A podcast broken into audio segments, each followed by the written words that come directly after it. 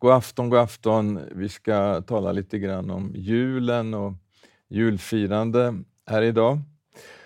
Och jag ska ta fram saker och ting som vi kanske inte tänker på eh, i samband med julen. Eh, vi har ju traditioner som vi är invanda med och jag ska titta lite grann på de här sakerna och se vad är det som stämmer. För att det är ju så för oss kristna att vi hämtar ju vår, eh, vår inspiration, men framför allt eh, när vi ska ta reda på hur det verkligen förhåller sig, så går vi ju till Bibeln. Eh, och just julen är en sån här högtid då, som har en lång tradition och där vi också har den katolska kyrkan och, och innan det också vissa hedniska, eh, hednisk påverkan, hedniska fester och annat som liksom har blandats in i detta eh, som har med, med julfirandet att göra. Så att eh, jag tänkte bara lite grann eh, sortera och, och ta reda på vad är, vad är det som är bibliskt och vad är det som har kommit in på andra sätt omkring det som vi firar den här tiden på året.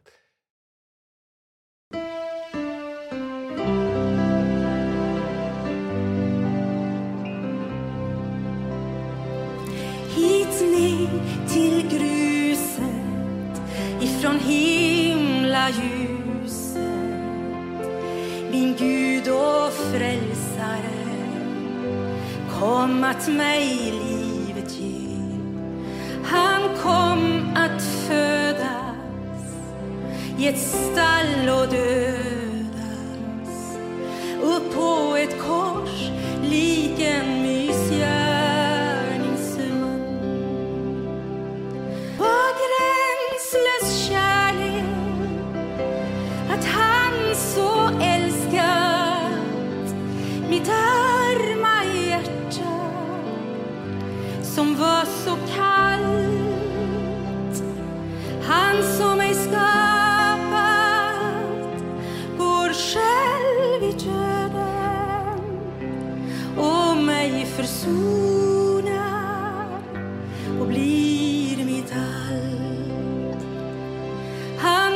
kom så ringa för att frälsning bringa där intet hopp fanns kvar när allt förlorat var.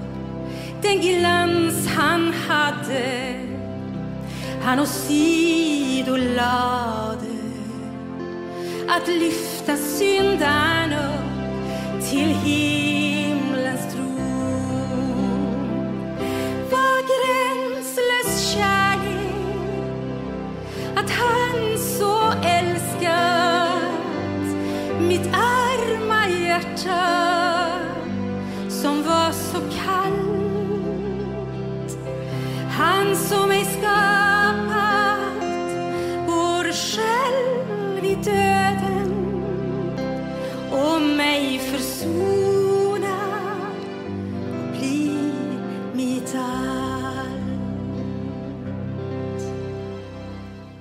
kan ändå vara lite intressant att se att mycket av det som finns runt omkring våra traditioner är inte sånt som är hämtat direkt ur Bibeln, utan det är, sånt som har tillkommit på vägen. Det, var också så vid den här tiden att eh, utöver det som så att säga var skrivet, vi vet ju vi läser i Bibeln i, i Matteus och, och, i Lukas speciellt så ser vi ju de här beskrivningarna av Jesu födelse. Och, och, men sen så var det de som... Eh, det var väldigt vanligt på den här tiden att man eh, liksom diktade ihop eh, legender och man hade liksom man ville göra det lite bättre och, och, och göra det lite mer spännande. Och, och så la man till olika saker och det fanns någonting som hette Prot-evangeliet som kom ut där och, och det gick ut liksom som en sån här, eh, ja det blev en sån här mm, populär skrift som började spridas och det finns faktiskt idag hundratals manuskript utav det här. Och där började man liksom att skriva om det. Och det här är alltså flera hundra år. Det, det, det är i alla fall Eh, inte samtida med de evangelier som vi har i Bibeln, utan det är sånt som har tillkommit mycket senare. Men där skrev man alltså och utvidgade de här berättelserna om, om hur eh, om, om vad som skedde där i samband med Jesu födelse och, och att eh, man lade till en berättelse där om, hur, eh, om jungfru Marias egen födelse och uppväxt. Och, och det var legender som då fick också stor betydelse för hur det liksom eh, det som vi kan se idag i den katolska kyrkan, detta med Maria-dyrkan och så vidare. Så att det var mycket sånt här som kom till och det var därför också det blev så viktigt så småningom att kunna liksom sortera det ena från det andra. Vad är det som liksom är eh, eh, kanon, alltså det som är, det som är Guds ord och det som så att säga är de här andra tilläggen som har gjorts. Det står ingenting i Bibeln om tomten eller om julgranen eller eh, om julbocken och inte ens om Lucia, utan allt sammans det där är ju sånt som då har, har liksom lagts till av olika traditioner. Men också någonting som är lite intressant. Ehm, du har väl sett de här ehm, julkrubborna som brukar ställas upp för den här tiden på året och, och där kan man se de här olika figurerna Eh, eh, men också en annan sak. Hur var det, hur tog sig Josef och Maria från Nasaret till Betlehem? Ja, eh, kom Maria ridandes på en åsna? Ja, vi vet inte, men det står inget om det i Bibeln. Föddes Jesus i ett stall? Ja, det är också frågan för att Eh, Eh, det vet vi inte, det står ingenstans i Bibeln. Det står att han lade sig i en krubba. Men eh, ett stall står det faktiskt ingenting om. Det som är det mest troliga, det är nog egentligen att eh, eh som eh, bostäderna då var formade på den tiden, det var ju att en del utav bostaden så, så fanns det, man hade sina djur och, och man hade platser där man utfodrade djuren i, i någon avskild del av bostaden och, och, där hade man då naturligtvis någon krubba. Så att kanske var det så att Jesus eh, och Josef och Maria, att det, det, var där som Jesus föddes på det sättet. Eh, men som sagt, eh, vi kan inte veta säkert för det står inget om det i Bibeln. Sen de här vise männen, som vi har ju bestämt att det är tre stycken, men eh, det står ju inte i Bibeln att det var tre stycken, utan det står att de kom med tre olika sorters gåvor. De kom med rökelse, guld och myrra. Och då har väl en del eh, uppfattat det så att det kunde vara tre stycken. Det finns vissa traditioner som säger att det var tolv stycken som kom. Men man vet inte det heller, för det står inte i Bibeln och det finns heller inte egentligen i någon annan eh, eh historisk litteratur som vi kan läsa om det. Och det här med kamelerna, kom de på kameler verkligen? Eh, en del forskare som har forskat runt omkring det här, det är högst otroligt eh, att de faktiskt kom eh, på kameler, utan det, det mest troliga är att de hade hästar. För det var det som var brukligt för dem som då så att säga tog sig på de här sträckorna. Och kom de här vise männen, var de närvarande när Jesus föddes? Det är också sånt som eh, man har ifrågasatt. Vet, den här sträckan mellan Babylon och eh, Betlehem, eh, den hade ju eh, Esra hade ju färdats den här sträckan tidigare och för honom tog det fyra månader att ta sig dit från Babylon. Och om det nu var så att den här stjärnan visade sig för de här vise männen i samband med det att Jesus föddes, Ja, då hade de alltså en fyra månaders resa att göra för att komma till Betlehem. Så att det skulle kunna säga att nej, de var inte där förrän kanske då fyra, år, fyra månader senare. Och en annan intressant sak är ju det, för att när de kom då dit eh, till eh, Judeen så gick de ju först till kung Herodes och frågade var finns den nyfödde judakungen? Och eh, han blev ju väldigt orolig, han kände sig hotad av att, eh, att det skulle ha fötts någon kung. Och Det gjorde ju att han då bestämde att alla gossebarn som var födda från som var två år gamla och eh, alltså eh, helt enkelt en tvåårsperiod eh, bakåt i tiden, pojkar som var födda, skulle dödas. Så att det säger ju också att det fanns en viss tidsrymd där. Så kanske vise männen, de kanske kom någonstans mellan fyra månader efter upp till två år. Vi vet inte, därför att det står inte. Men eh, nu, nu kanske du blir ledsen om jag plockar bort figurerna ur, ur, ur den här julklubban, men jag gör det med god avsikt därför att eh, det är så här att eh, i detta som sker när Jesus föds så är det ju någonting oerhört stort. Det är ju så stort så att det är ju mycket mer än alla de här äh, olika liksom, eh, scenerna som vi liksom kan eh, bygga runt omkring det här och, och kanske få en lite romantisk eh, bild av det hela. Men det, det är ju faktiskt eh, världshistoriens största händelse som det faktiskt handlar om och som i allra högsta grad angår oss, varenda människa på hela denna jord i alla tider. Det är det absolut viktigaste som har skett, detta nämligen att eh, Gud blir människa, det som kallas för inkarnationen, att Jesus kommer hit ner till den här världen.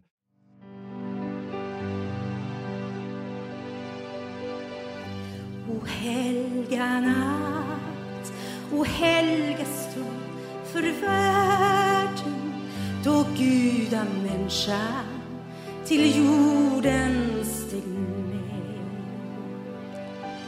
För att försona världens brott och synder för oss han dödens smärta led.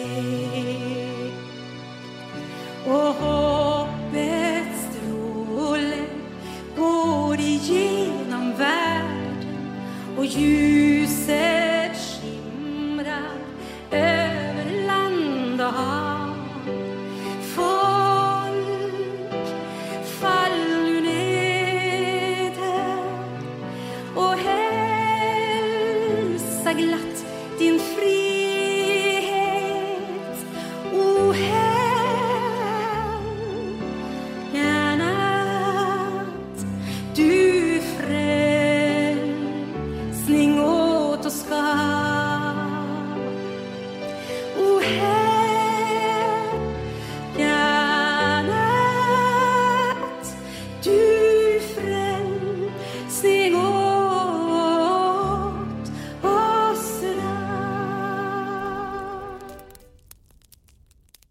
Vad som är så intressant just med detta, det är ju det att eh, om vi nu liksom bortser från alltihop det här andra, verkligen titta på hur detta var förberett och hur det var förutsagt av profeterna i, i Gamla testamentet. Hur liksom de olika detaljerna som liksom så att säga då blir uppfyllda i och med att eh, Jesus då föds.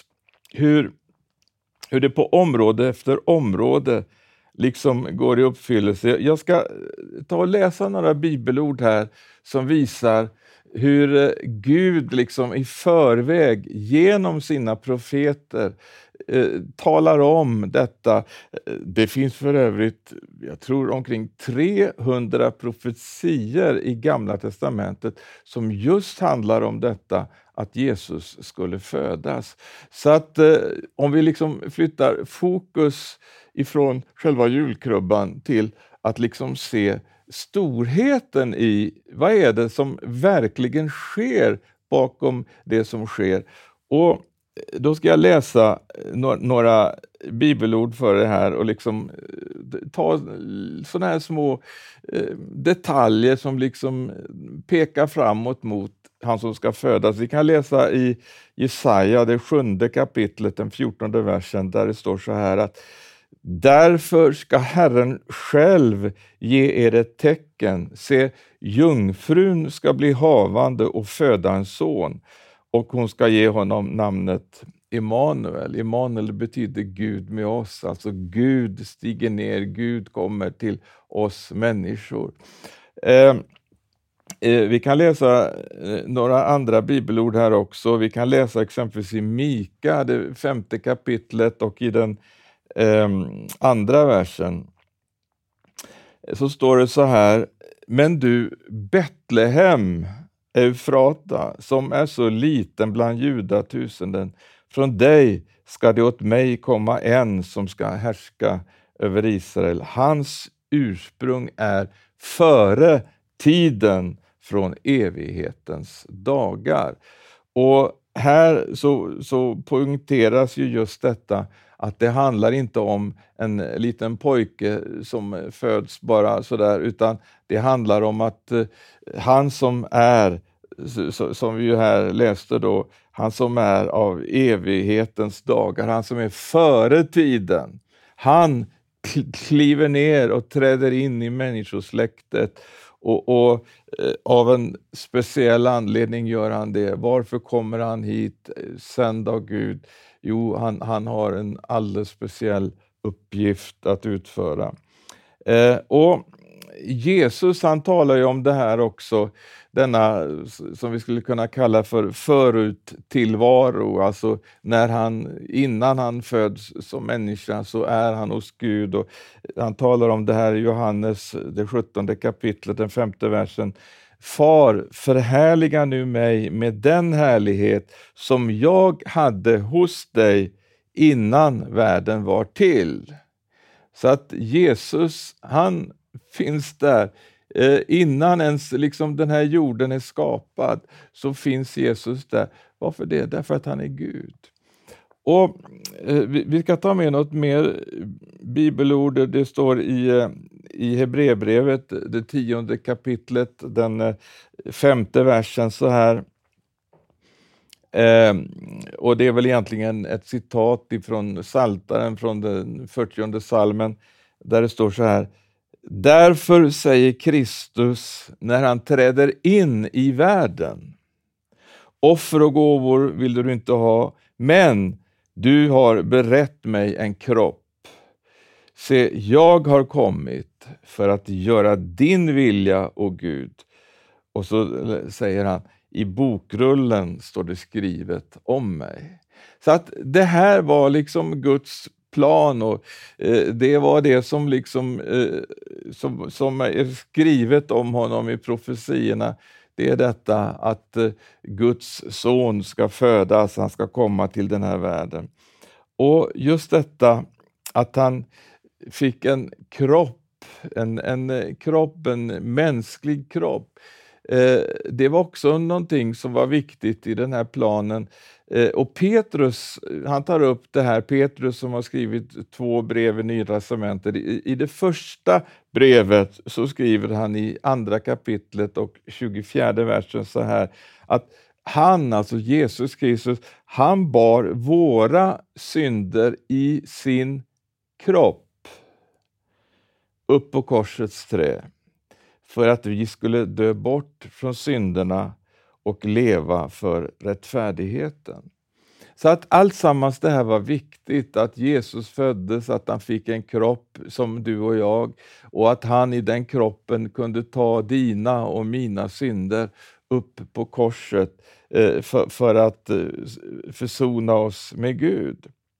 Eh, vi, vi, kan också läsa från Danielsboken, eh, också en profetia som är väldigt intressant. Vi hinner tyvärr inte gå djupare in på den, men i Daniel 9 och från den 24 versen fram till den 26 så är det väldigt intressant där, för där finns liksom en sån här historisk eh, genomgång, alltså av historien, eller framtiden från den tid då Daniel lever.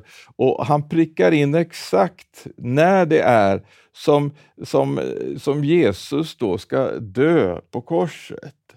Så att vi ser allt sammans det här, det, det liksom hänger ihop med en evig plan hos Gud, att detta att Jesus blev sänd till världen, att han eh, föddes och, och, blev lagd i den där krubban, det, det är Guds eviga plan och det viktiga är naturligtvis att han föddes, men Jesus är inte ett litet barn som eh, vi ska fira nu. Jag vet inte om du har sett de här eh, katolska mässorna när påven tar den här eh, dockan och lägger den i, i det här eh, krubban och så vidare.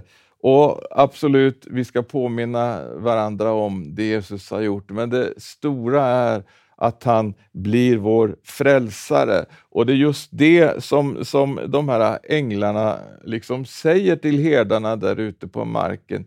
Att eh, de, alltså, de bringar en stor glädje som ska vederfaras allt folket, står det och, och att eh, en frälsare är född i Betlehem. Halleluja, en frälsare. Så att det är det som är eh, huvudsumman utav detta som sker i Betlehem. Det är att en frälsare har blivit född. Och vi behöver, allesammans behöver vi en frälsare. Och du som ännu inte har tagit emot honom eh, eh som din frälsare, det kan du göra nu, precis var du än är någonstans. Du kan öppna ditt hjärta och bjuda in honom och säga Jesus, jag vill ta emot dig. Jag, jag vill ta emot den frälsning som du har kommit hit till världen för att ge oss människor. Att du, att du var villig att lämna himlens härlighet och, och, och liksom träda ner, stiga ner hit till den här jorden för, för att dö för våra synder. Det har skrivits många härliga sånger om det här att Jesus blev människa, det som vi kallar då inkarnationen. Och Jag tänker på en eh, sång som ofta sjungs i adventstid. Eh, den heter så här, eller rättare sagt en av verserna låter så här. Eh, Han kommer från eviga höjder han lämnar sin tron av kristall, sin ära i ljusets palatser och lägges på strå i ett stall.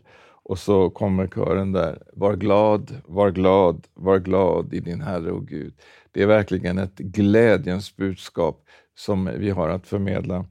Och Jag tar med den här versen också från Filipperbrevet, det andra kapitlet, sjätte versen. Det står så här, fastän han var till i Guds gestalt räknade han inte tillvaron som Gud såsom segerbyte utan utgav sig själv genom att anta en tjänares gestalt då han blev människa. Han som till det yttre var som en människa ödmjukade sig och blev lydig ända till döden, ja, döden på korset. Så det är det, det eh, uppdrag som Gud sände Jesus för att utföra i den här världen. Det var därför han föddes i Betlehem. Ett barn är fött på denna dag så var Guds välbehag. Det föddes av en jungfru skär, Guds son, det barnet är. Dock vilar du i ringhet klädd på fattigdomens bädd. Välkommen var, o Herre kär,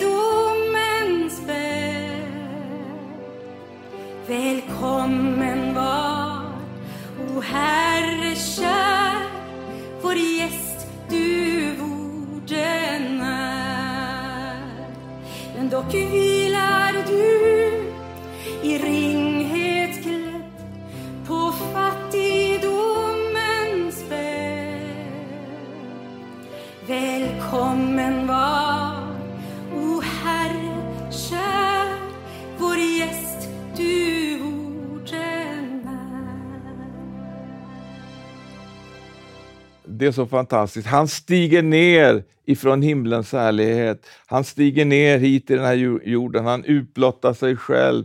Han föds på detta enkla sätt utanför den stora religiösa huvudstaden. I, i, i, i, läggs i en krubba, får växa upp, umgås med de enkla människorna eh, i, i, i, i Israel och eh, blir vår frälsare när han till slut blir uppspikad på det där korset för att bära dina och mina synder. Så ta emot honom som din frälsare, ta emot honom som, som kan totalt förvandla ditt liv, att ge dig ett nytt liv. Gud välsigne dig. Det, det, det är det bästa val du kan göra och det är det viktigaste valet du kan göra, att ta emot honom som Gud har sänt. Så älskade Gud världen, att han utgav sin enfödde son, på det att var och en som tror på honom ska inte förgås, utan få evigt liv. Det är vad det här innebär, att Jesus föddes i Betlehem att Gud sände sin son för att rädda och frälsa dig och mig. Amen.